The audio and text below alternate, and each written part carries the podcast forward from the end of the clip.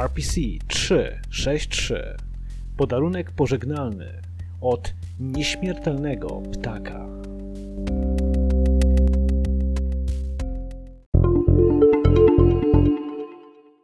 Rejestracja porządku centralnego.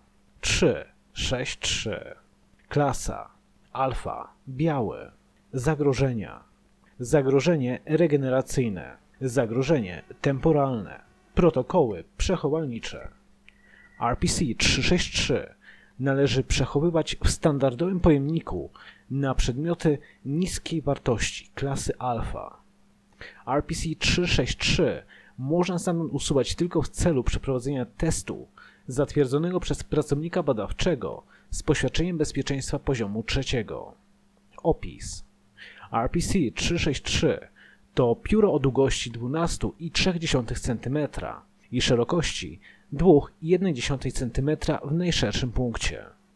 RPC-363 opisywany jest jako kolorystycznie płomienny z pomarańczowymi promykami na chorągiewce, żółtą dudką oraz jasno-niebieską lotką.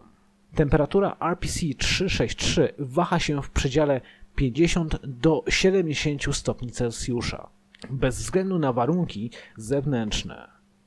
RPC-363 wydaje się nieprzerwanie emitować płomienie, których kolor zależny jest od temperatury obiektu.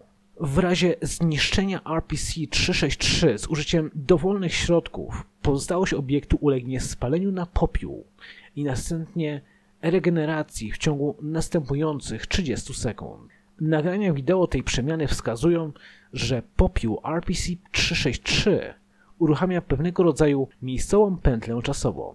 Pozyskanie RPC-363 został pozyskany w trakcie przeprowadzenia przez MDS Hotel 7 Górali szturmu na nieruchomość będącą własnością POI 293 Alicji Silver, znanej kolekcjonerki oraz przemytniczki przedmiotów anomalnych i para ludzi. W czasie akcji dokonano pozyskania łącznie siedmiu artefaktów anomalnych. Jednakże nie zdołano pochwycić POI 293. RPC-363 znajdował się w głównej pracowni, na liście, którego odpis zamieszczono poniżej. Moja najdroższa Alicjo, odkąd Cię poznałem, byłaś ciepłem mojego życia. Dopiero co zostałem wygnany z własnego domu, a osoby, które mnie znały, się mnie wyrzekły.